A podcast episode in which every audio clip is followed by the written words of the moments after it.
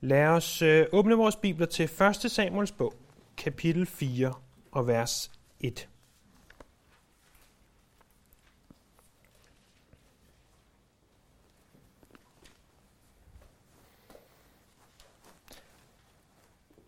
Det vil faktisk sige ikke helt vers 1, men midt i vers 1. Som I kan se, så deler vores danske bibler vers 4 i 2, øh, kapitel 4, vers 1 i 2. Øhm, og det virker til at være det mest fornuftige at gøre i det her tilfælde. Vi læste sidste gang i vers 1, og Samuels ord nåede ud til hele Israel. Det står sammen med kapitel 3. Og så når vi så til, til der, hvor vores kapitel 4 begynder, som er et nyt tidspunkt i, øh, i Israels historie. Ikke meget senere, men lidt senere. Kapitel 4 til kapitel 7 kommer til at handle om pagtens ark.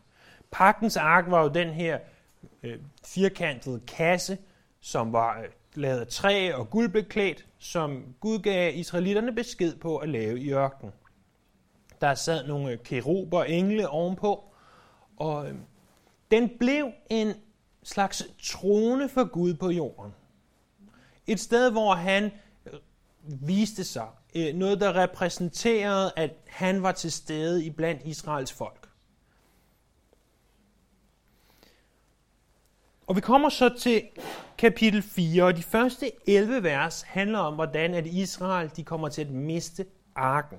Lad os se, hvad der står i vers 1-4. Israel rykkede ud til kamp mod filistrene. De søg lejr ved Eben har et zar, mens filistrene slog lejr i Afek. Filistrene gik i stilling over for israelitterne, og kampen begyndte. Israel blev slået af filistrene, som dræbte omkring 4.000 mand på slagmarken. Da herren kom tilbage til lejren, spurgte Israels ældste, Hvorfor slog herren os i kampen? Hvorfor slog herren os i kampen mod filistrene i dag?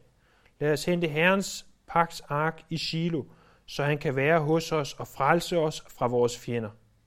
Så sendte de bud til Shiloh efter pagtens ark, der tilhører herskers herre, ham som troner på keruberne. Elis to sønner, Hofni og Pinehas, fulgte Guds pagts ark. I det vi kommer til de her vers, så kommer vi først til et folk, der hedder filistrene. De fleste af os har sikkert hørt om dem før.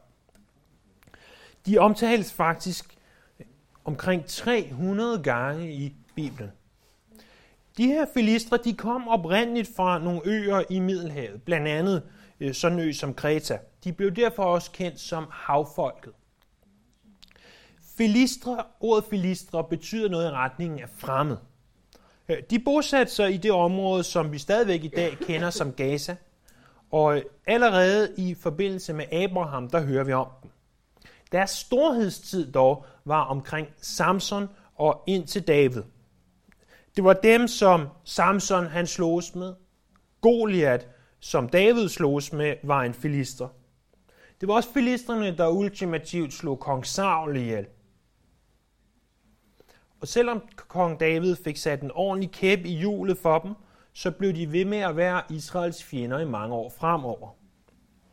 Deres kultur var en mix af deres egen kultur øh, fra Middelhavet, samt kananitisk kultur, som jo var dem, der før filistrene kom, også boede i Israel, øh, eller i det land, der senere skulle blive Israel. De havde fem hovedbyer, som vi kommer til at høre en hel del om, især næste gang, og næste gang igen. Øh, de var Gaza, Ashdod, Ashkelon, Gat og Ekron. Øh, de talte formodentlig en dialekt af kananitisk, og så tilbad de blandt andet guderne Dagon, øh, Ashtoreth og Balsebub. Vi ved også noget om, hvordan de kæmpede som soldater, hvordan de var klædt. De havde både stridsvogn, de havde ryttere, de havde fodsoldater, de havde bueskytter. På hovedet der havde de en slags hårbånd, så at deres hår nærmest stod lige op i vejret, og de lignede altså næsten en slags punker fra 80'erne. Deres stridsvogne blev trukket af to heste, og der var to hjul på hver vogn, øh, hvilket jo er det minimum antal hjul, man gerne vil have på en vogn, ellers er den ikke meget ved.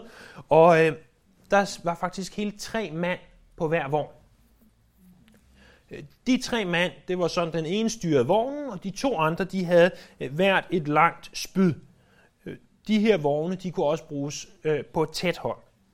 Når man var fodsoldat, så havde man også to spyd, man havde et rundt skjold, og man havde et, et langt ligesvær. Og så kæmpede de sammen i grupper på fire. Øh, grundet den her forbindelse, de havde haft til havet, så blev de ved med at, at have den her øh, havfolksforbindelse. Det gjorde også, at for dem, så kunne de importere ting fra Grækenland og, øh,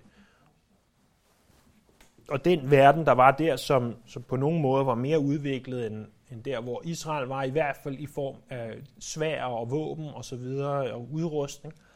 Og det betyder også, at de kunne være israelitterne overlegne, når det kom til udrustning. Der står her, at de her filistre, de øh, drog israelitterne i kamp med, og israelitterne de rykkede op og stod lejr ved Eben har et sar, og filistrene de slog lejr i Afek. Afek, den lå ved kilden af det, der hedder Jarkonfloden. Det siger der formodentlig ikke ret meget. Men hvis jeg siger byen Tel Aviv, og øh, ganske kort uden derfor, så siger det jeg straks mere. Og faktisk har nogle af jer været i det, som dengang var effekt, Da vi var i Israel i 2013, det allerførste sted, vi var, øh, som øh, vi så på i form af Antipatris, og det sted, hvor Paulus stoppede halvvejs til Caesarea, dengang han blev ført derud, det er der, hvor Afek var. Der var en noget borg, og der var noget park rundt om. Det var et sted, der absolut ikke var nogen andre mennesker end os, men der lå Afek. Så øh, nogle af jer har, er så privilegeret, I rent faktisk har været der. Den by lå tæt ud til det, der hed Kystvejen, altså den vej, der gik langs havet. Og kontrollerede man Afek, så kontrollerede man også, hvem der kunne komme fra Ægypten og op imod Syrien og så videre. Så derfor rykker filistrene derhen ned fra deres lidt mere sydliggende områder op og siger, nu tager vi det her sted. Så rykker Israel ud imod dem, og er ved Ben har et zar, som ligger måske 5 km derfra. Vi er ikke sikre på det. Og øhm, så går de altså i kamp. Og det, der sker, det er, at Israel mister 4.000 mand. Det, at miste 4.000 mand i kamp er mange mænd. Så Israels ældste begynder at spekulere, hvorfor må vi tabte kampen.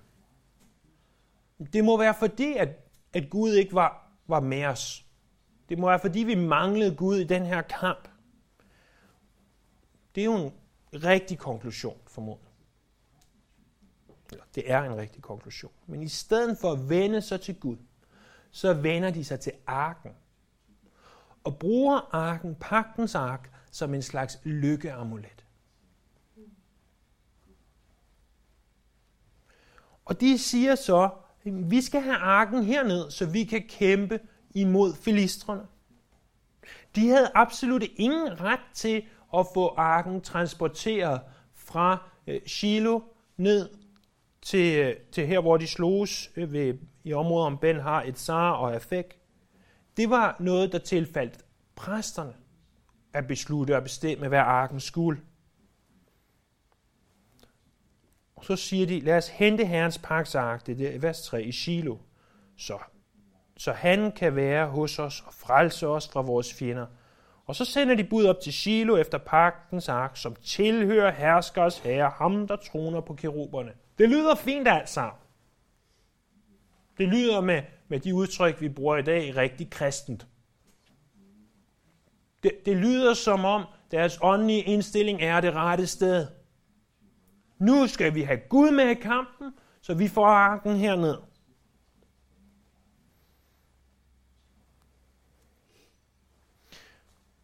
grund til, at de får præsterne overtalt til at levere den dertil, er blandt andet fordi, at Hofni og Pinehas, eller Finehas, øh, det var dem, der, der bar arken derned, eller i hvert fald var med, da arken blev båret derned. Og som vi så sidste gang, så øh, var de ikke sagt på godt dansk, lige frem Guds bedste børn. De, de gjorde, hvad det passede dem. Og Gud havde sagt, de her to mænd, de her to præster, som var ypperste præstens sønner, de står for skud til at blive udslettet. Og den eneste årsag til, at Israel tabte i kampen den dag, det var fordi, at Gud tillod det. Han tillod det, så at Hofni og Pinehas, de kunne få deres dom. Han tillod det, så at folket måtte indse, at de havde behov for at omvende sig fra deres synd. Selvom Gud indimellem arbejder til trods for ugudelige mennesker, så ser vi ofte, at når ugudelige mennesker forsøger at gøre Guds arbejde, så bærer det ikke frugt. Indimellem så kan Gud give et arbejde frugt alligevel, selvom der sidder øh, en ugudelig mand øh, der og, og tager hånd om tingene, men oftest, i langt, langt de fleste tilfælde, som det også var tilfældet her, når Hofni og Pinhas, ugudelige mennesker, forsøger at gøre Guds arbejde, så er Gud det ikke. Så de henter altså arken, og så læser vi videre i vers 5-11. Da Herrens paks ark kom ind i lejren, brød hele lejren ud i et jubelråb, så højt, at jorden rystede. Filistrene hørte råbet og sagde, hvad betyder dette høje jubelråb i hebræernes lejr? Da de fik at vide, at Herrens ark var kommet til lejren, blev de bange og sagde, åh, oh, Gud er kommet til os.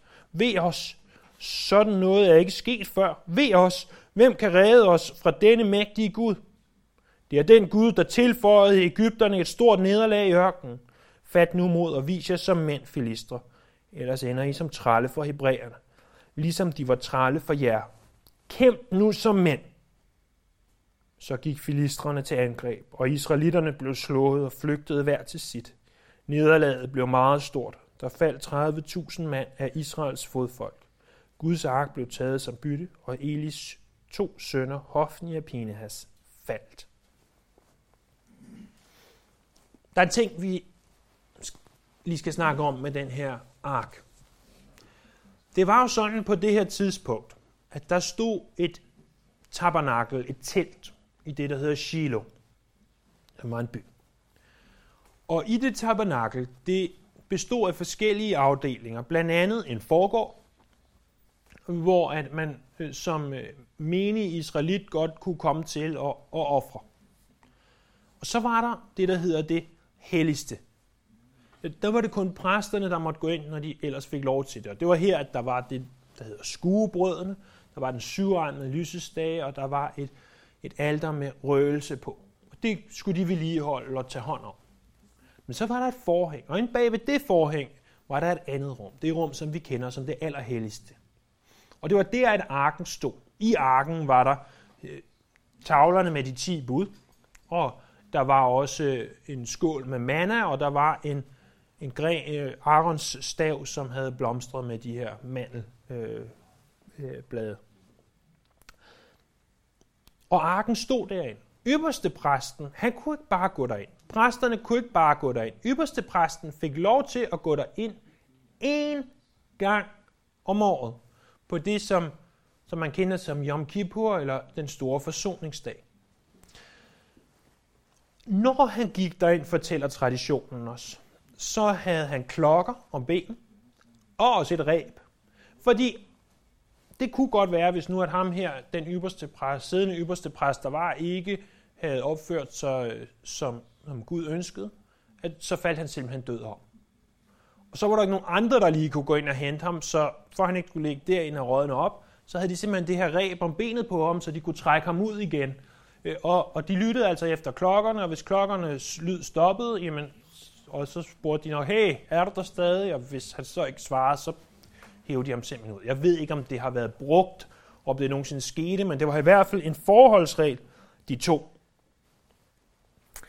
Så I, I kan nok forstå, at arken, som tidligere havde været brugt i krig, hvor Israel havde sejret, så tænkte de, den har en mægtig kraft, den her ark. Og, og for de af jer, ligesom mig selv, der måtte have set øh, den første Indiana Jones film, som på engelsk hedder Raiders of the Lost Ark, øh, som jo handler om ham her, arkeolog, øh, arkeologen Indiana Jones, som øh, tager ud og søger efter pakkens ark og finder den, og filmen slutter med den her rimelig klamme øh, scene, hvor at at tyskerne, altså nazisterne, tyskerne, de åbner arken, og så kommer der alle de her dødsengle op og slår dem alle sammen ihjel, men ikke Indiana Jones selvfølgelig, som lukker sine øjne, så der, ham sker der ikke noget. Det er nogle gange bare en film, men, men i den film ser vi også, hvilken øh, kraft, som også andre mennesker kunne tillægge selve arken. Så det, den menige israelit og også præsterne vil aldrig have set pagtens ark. Men når de kommer ned ad bjerget, øh, og ned ad vejen gående, Øh, med den her store gyldne boks, så, øh, kasse, så er israelitterne ikke i tvivl. Det der må være pagtens ark. Og så jubler de, siger, nu kommer der sejr. Nu er pagtens ark hos os. Og de råber og skriger. Der står så meget, så at jorden rystede. Tror du, at fordi du råber højere, fordi du, du råber, så at jorden ryster, så er Gud mere nær? Så er du mere åndelig? Nej, det vil gå stik imod det, vi talte om i onsdags. Hvor at det ikke er det, vi gør i vores ydre, der nødvendigvis viser, hvem vi er i vores hjerter. Det er ikke det, vi gør i vores ydre, der nødvendigvis viser, hvem vi er i vores hjerter. Jeg, øhm, jeg lyttede til et debatprogram den anden dag på Radio 24 7, hvor de havde to muslimer inde og talte om ham her, taxichaufføren, som øh, åbenbart var blevet nægtet et job, fordi han ikke ville give hånd til kvinder. Og øh, så har han jo så øh, blevet forskelsbehandlet og havde fået 10.000 i erstatning. Det kan man så mene om, hvad man vil. Men her der havde vi to muslimer. Den ene mente, at selvfølgelig skal man ikke give hånd til kvinder. Den anden mente, at helt ærligt, vi bor i Danmark, selvfølgelig skal vi give hånd til kvinder. Det snakkede de så om. Og ham her, den, øh, øh, vi kan vel kalde ham den højorienterede muslim, der sagde, selvfølgelig skal man ikke give hånd til kvinder, det står i Koranen. Han, jeg, jeg tænkte, fair nok, du ikke vil give hånd til kvinder, og du siger, at det er en del af din tro. Det må han ligesom om. Men helt ærligt, kommer on. Fordi du ikke giver hånd til dem, øh, så tænker du stadigvæk tankerne. Så er det stadigvæk i dit hjerte. Det er netop det, som Jesus taler om i bjergprædiken. At det ikke kun, hvad vi gør i det ydre, det er også, hvad der er i vores hjerter, der gør en forskel. Og det, at vi råber højt og, og råber øh, halleluja og danser løs, det betyder ikke, at vi er åndelige mennesker. Og, og jeg vil godt have, at, at hver af os ved, at fordi du kigger over på en anden, der under lovsang måtte stå op med løftede hænder, så betyder det ikke, at den person nødvendigvis er mere åndelig eller nærmere Gud, end du er. Det er, hvad der foregår i vores hjerter, der først og fremmest tæller. Tæller vores ydre handlinger noget? Bevirker det noget? Ja, selvfølgelig gør det det. Men, men lad være med at se på andre og få det dårligt, fordi du tænker, åh, de må kende Gud meget, meget bedre. Det kan være en facade. Det kan være kulturelt. Det, at de råber, betyder ikke, at Gud han var med i det, de gjorde. Det betyder ikke, at Gud var med i lejren. I det filistrene hører det her råb, og de har garanteret haft nogle spioner, der var ude og kigge, så ser de, at arken kom. Og de går tilbage og snakker, hvad betyder det? Og de får at vide, at arken var kommet til lejren.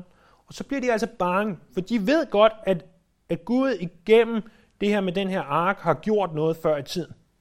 De siger, Gud er kommet til lejren, ved os. Sådan noget er ikke sket før. Ved os, hvem kan redde os for denne mægtige Gud? Det er den, der tilføjede Ægypterne et stort nederlag i ørkenen. Hvorvidt at de lige 100% har ret i, at nederlaget blev tilført i ørkenen, eller ved det røde hav, eller om de tænker på plagerne, eller hvad de gør, det ved jeg ikke. Men vi må komplementere filistrene for én ting. Vi må komplementere filistrene for deres øh, viden om bibelhistorie. De vidste, at der var noget med den her ark. De vidste, at der var noget med, med den mægtige Gud, som ofte var med, når den her ark kom frem. Jeg håber ikke, at det kan sige som nogen af os, at filistrene havde bedre styr på deres bibelhistorie, end vi har.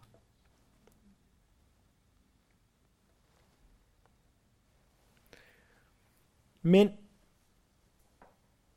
hvis nu jeg skulle instruere en film om, om den her øh, beretning, hvor arken bliver taget, så ved jeg præcis, hvordan jeg vil lave den næste scene. Jeg vil tyvstjæle den fra en anden film, der hedder Braveheart. Fordi her står øh, filistrene nu, og nu tænker jeg, nu har vi tabt. Vi kan lige så godt gå hjem. De har Gud med sig. Den her Gud, der smadrede Ægypterne. Hvad kan vi gøre? Og så står filistrene der. Og i Braveheart, der er jo den her klassiske, klassiske scene, jeg ved, jeg også har refereret til før, hvor at, at, øh, at skotterne skal til at kæmpe mod englænderne, og øh, de, de har ikke en chance. Og så rider Mel Gibson frem og tilbage og, og råber alt muligt til dem, øh, og, og får dem altså begejstret nok til, at, at selvom de er, er nogle øh, tabere på forhånd, at, så jeg tænker, nej, nu skal den have, nu skal vi kæmpe, nu skal vi slås. Og, øh, og så går de så rent faktisk ud og vinder i en eller anden grad, præcis skal huske, men de kæmper i hvert fald. Øhm, hvor det er det, der sker her, at filistrene siger, nej, nu må I, nu må I forstå det, at selvom vi er øh, underlegne over for Gud, så må vi kæmpe. Vi må stå sammen, skulder ved skulder. Øh, vi skal ikke gå hen og blive slaver, ligesom at de engang var vores slaver, fordi israelitterne havde nogle af dem indimellem ind været øh, filistrenes slaver under dommertiden. Så nu skal den altså have hele armen. Lad os kæmpe som mænd.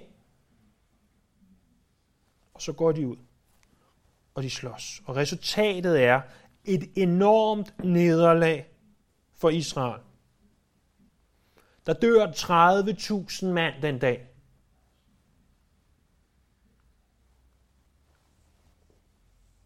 Det er næsten syv gange så mange, som der arken ikke var der. De to præster, Hofni og Pinhas, de dør. Og værst af alt, arken bliver taget. Det, at arken bliver taget, forestil dig, hvordan Israel må have set det.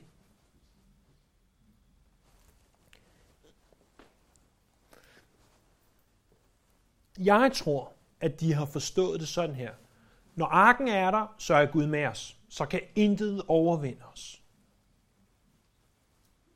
Da arken så blev taget, så begynder de temmelig sikkert at stille spørgsmålstegn ved, om den Gud, de tilbeder nu også er den stærkeste. Når han kan blive overvundet, hvad sker der så? Er han så ikke den stærkeste alligevel? Er filistrene virkelig stærkere end vores Gud? Og de begynder at kunne stille en masse spørgsmål til, hvad er det for en Gud, vi tilbeder? Men vi ser, at være under arkens beskyttelse, det reddede dem ikke. Det, at arken var til stede, det reddede dem ikke. Det er ganske som det at være døbt, det redder os ikke. Det som at gøre gode gerninger, det redder os ikke. At komme i kirke på en regnværsdag, det redder os heller ikke. Eller en hver anden dag. Det er ikke arken, der redder os, venner. Det er arkens Gud, der kan redde os.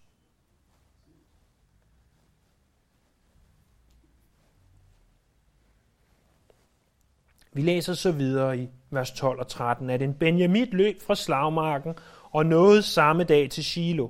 Hans klæder var flænget, og han havde strøget jord på hovedet. Da han nåede frem, sad Eli på sin stol ved vejen og spejtede, for han var urolig for Guds ark. Da manden var kommet ind i byen og fortalte, hvad der var sket, begyndte alle i byen at skrige. En Benjamit, det er altså en, der kommer af Benjamins stamme. I husker, at der er 12 stammer, og Benjamin var en af dem. Han løber fra slagmarken til Shiloh. Her hjælper det at kende lidt til Israels geografi. Det er en tur på omkring 50 kilometer. Ikke nok med det, så er det også op ad bakke. Både billedligt, men også bogstaveligt. Faktisk så stiger det 700 højdemeter på den her tur. Det er øh, næsten ekstrem maratonløb. vil jeg tro. Øh, Udover at man selvfølgelig lige har kæmpet i sikkert afskillige timer, og, og mange af ens venner og kampfælder, de er døde, øh, så tager han altså den her løbetur op ad bakke. For at ingen måtte, i, i Shiloh måtte være i tvivl om hans budskab, så løber han endda, i hvert fald noget vejen, om ikke andet så til sidst, med jord på hovedet. Øh, jord på hovedet og, og det her flængede tøj, det var en normal måde at vise, at man sørgede på. Og da han kommer ind i byen og fortæller, hvad der er sket, så begynder folk øh, at skrige. Det er selvfølgelig indforstået, at det kun er dem, han fortæller budskabet til, der, der begynder at skrive. For vi ser, at Eli han rent faktisk ikke har hørt det endnu. Eli han sidder og er dybt bekymret for arken. Og det begynder at stå i stærk kontrast til, hvordan vi har set Eli i tidligere kapitler. I, Eli, ypperste præsten, gjorde ikke noget ved sine øh, sønner, men nu vidste han nok godt, at det var ikke så fornuftigt, det der var ved at ske her. Så han sidder og bekymret for arken, og så står der videre i vers 14-18. Eli hørte skriget og spurgte, hvad er det for en larm? Manden skyndte sig hen og fortalte Eli, hvad der var sket. Eli var 98 år gammel og havde stær, så han ikke kunne se. Manden sagde til ham, jeg kommer lige fra slagmarken, og jeg er flygtet derfra i dag. Eli spurgte, hvad er der sket, min søn? Budbringeren svarede, Israel flygtede fra filistrene og vi led et stort nederlag, og dine to sønner, Hofni og Pinas, er døde, og Guds ark er taget, i bytte, taget som bytte. I samme øjeblik, han nævnte Guds ark, faldt Eli baglands ned af sin stol lige ved porten og brækkede halsen og døde, for han var både gammel og svær. Han havde været dommer i Israel i 40 år. I vers 14 og 15, der ser vi overordnet, hvad der bliver fortalt os i vers 16 og 17. At Eli hører skriget. Han spørger, hvad er det for en larm? Manden, han kommer hen og fortæller Eli, hvad der er sket. Så, så det er det overordnede, Og at, også at Eli, han er 98 år gammel. Han var stær den danske fortolk, men han var i hvert fald blind. Og så han kunne ikke se, hvad der foregik. Og, øh, og det her, det fortæller mig en, en lidt pushy ting. Manden er blind. Men vi har lige læst i vers 13, at han nåede frem, og Eli han sad på sin stol ved vejen og spejtede. Nu er der en elendig spejder, der er blind. Han, han sidder der og kigger, men han kan ingenting se. I vores øjne, der er det Eli gør dybt tåbeligt, til ingen nytte, og nærmest latterligt.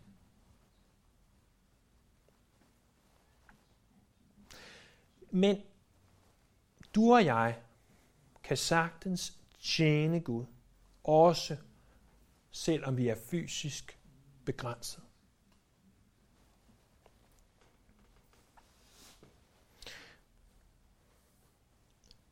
Nogle af jer har hørt om Corrie ten Boom, som var en, en dame, der gemte jøder under 2. verdenskrig i, i Holland.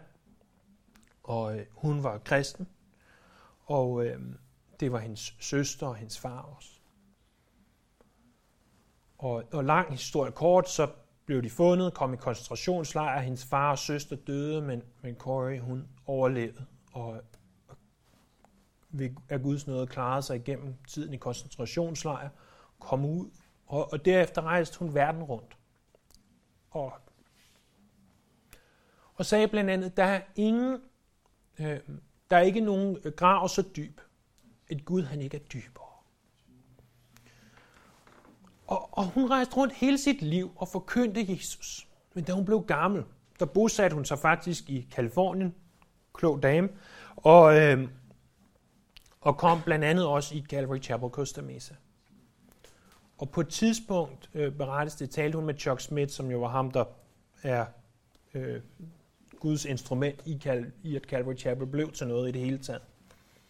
Og Chuck han fortæller, at, at han kommer ind til hende, og Corrie ten Boom, hun var, hun var så ked af det. Nu kunne hun ikke rejse rundt mere.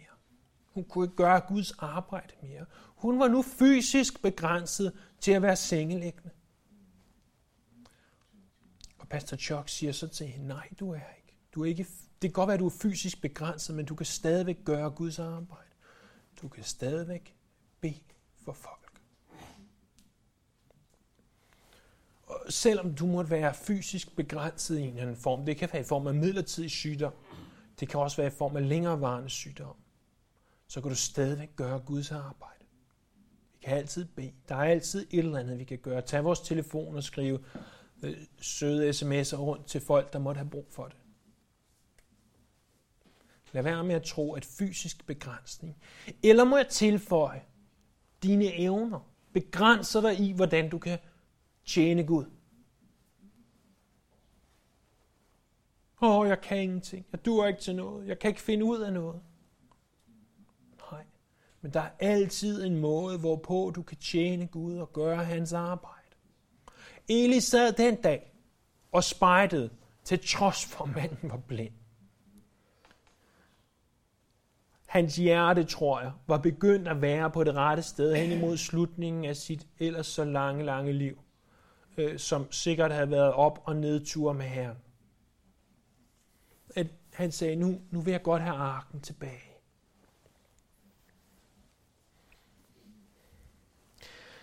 Det er interessant at se, at i det Benjamitten fortæller Eli, Hofni og Pinehas er døde, så så vil jeg tro, at Eli tænker, jamen det var det, Gud havde sagt. Gud havde sagt, det ville dø. Det, det måtte jeg forvente. Men i det, at han snakker om, at arken er blevet taget, så falder Eli ned og dør. Det er det, der gør, at, at nu kan han ikke mere. Vi får at vide, at han var dommer i Israel i 40 år, og efter ham, det står ikke her, men ved vi ud af resten af bogen, der var Samuel både præst, og han var dommer i Israel. Men det var ikke den eneste familietragedie, der skete den. Der er ikke nok med, at Hofni og Pinhas døde, ikke nok med, at Eli døde. Så læser vi også i vers 19-22, at hans svigerdatter, Pinhas' kone, var gravid og skulle snart føde. Da hun hørte, at Guds ark var taget som bytte, og at hendes svigerfar og hendes mand var døde, kom vejerne over hende, og hun satte sig på hug og fødte. Da hun var lige ved at dø, sagde de kvinder, der stod hos hende, du skal ikke være bange, du har født en søn, men hun svarede ikke og intet intet. Hun kaldte drengen Ikabod og sagde, herligheden er forsvundet fra Israel. Men det mente hun, at Guds ark var taget som bytte, og at hendes svigerfar og hendes mand var døde. Og hun sagde, herligheden er forsvundet fra Israel, for Guds ark er taget som bytte. Så Pinhas' hustru, som lige har mistet sin mand og sin svigerfar, hun, nyhederne er simpelthen for meget for hende, så hun øh, går i vejer og føder det her barn. Men det gør altså, at hun selv dør. Men inden hun dør, så når hun at kommunikere til folk, når der står omkring, inden at barnet skal hedde Ichabod. Øh, det betyder mere eller mindre direkte oversat, ingen herlighed fordi at arken repræsenterede Guds herlighed. At Gud var iblandt dem. Et temmelig elendigt navn at få navnet Ichabod. Ingen herlighed. Hver gang, at han skulle introducere sig til nogen og sige, hvad hedder du? Åh, oh, jeg hedder Ichabod. Ingen, kær- ingen herlighed. Nå, dengang øh, din far og, og onkel øh, bakken ned til kamp, så den blev taget af flistrene, når det er dig. Ingen herlighed. Vi ved også fra arkeologien, at byen Shiloh blev ødelagt lige omkring det her tidspunkt. Så, så det, som Bibelen ikke fortæller os, er, at, at efter at filistrene vinder i, i området omkring Afek og Ben, Ben har øh, øh et så drager, så drager øh, filisterne op til Shiloh. De smadrer formodentlig selve tabernaklet og, og byen derop. Det, det er noget af det, vi kan se ud af arkeologien, og vi læste også om det i Jeremias kapitel 7, vers 12-14. I det, at arken nu er med filistrene, i det, at, at Israel troede, at arken ville beskytte dem, så har jeg et spørgsmål til os den her formiddag. Har jeg en ark i mit liv? Har jeg en ark, som jeg tror, at så længe der er styr på den her ting, så er der styr på mit forhold til Gud. Så længe at, at den her ydre ting er i orden, så er mit forhold til Jesus nok, som det skal være.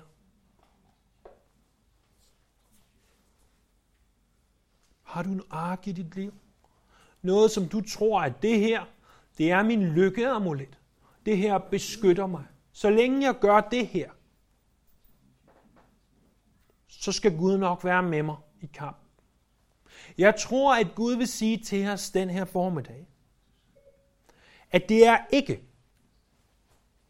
ydre ting, de ting vi gør, der viser om vores forhold til Herren Jesus er i orden. Men det er vores hjerte, og vores hjerte alene, han ser på.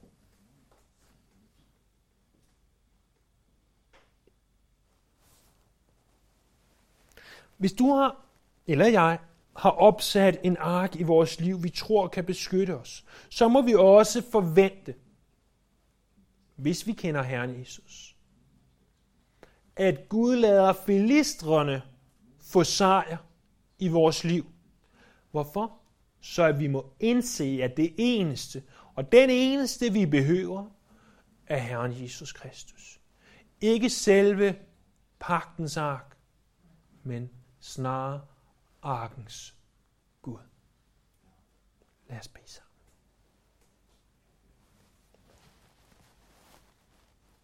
Her i det, vi i dag bliver mindet om, 3000 år gammel historie. Og mindet om, hvad der skete den eller de dage, lidt uden for det, vi i dag kender som Tel Aviv.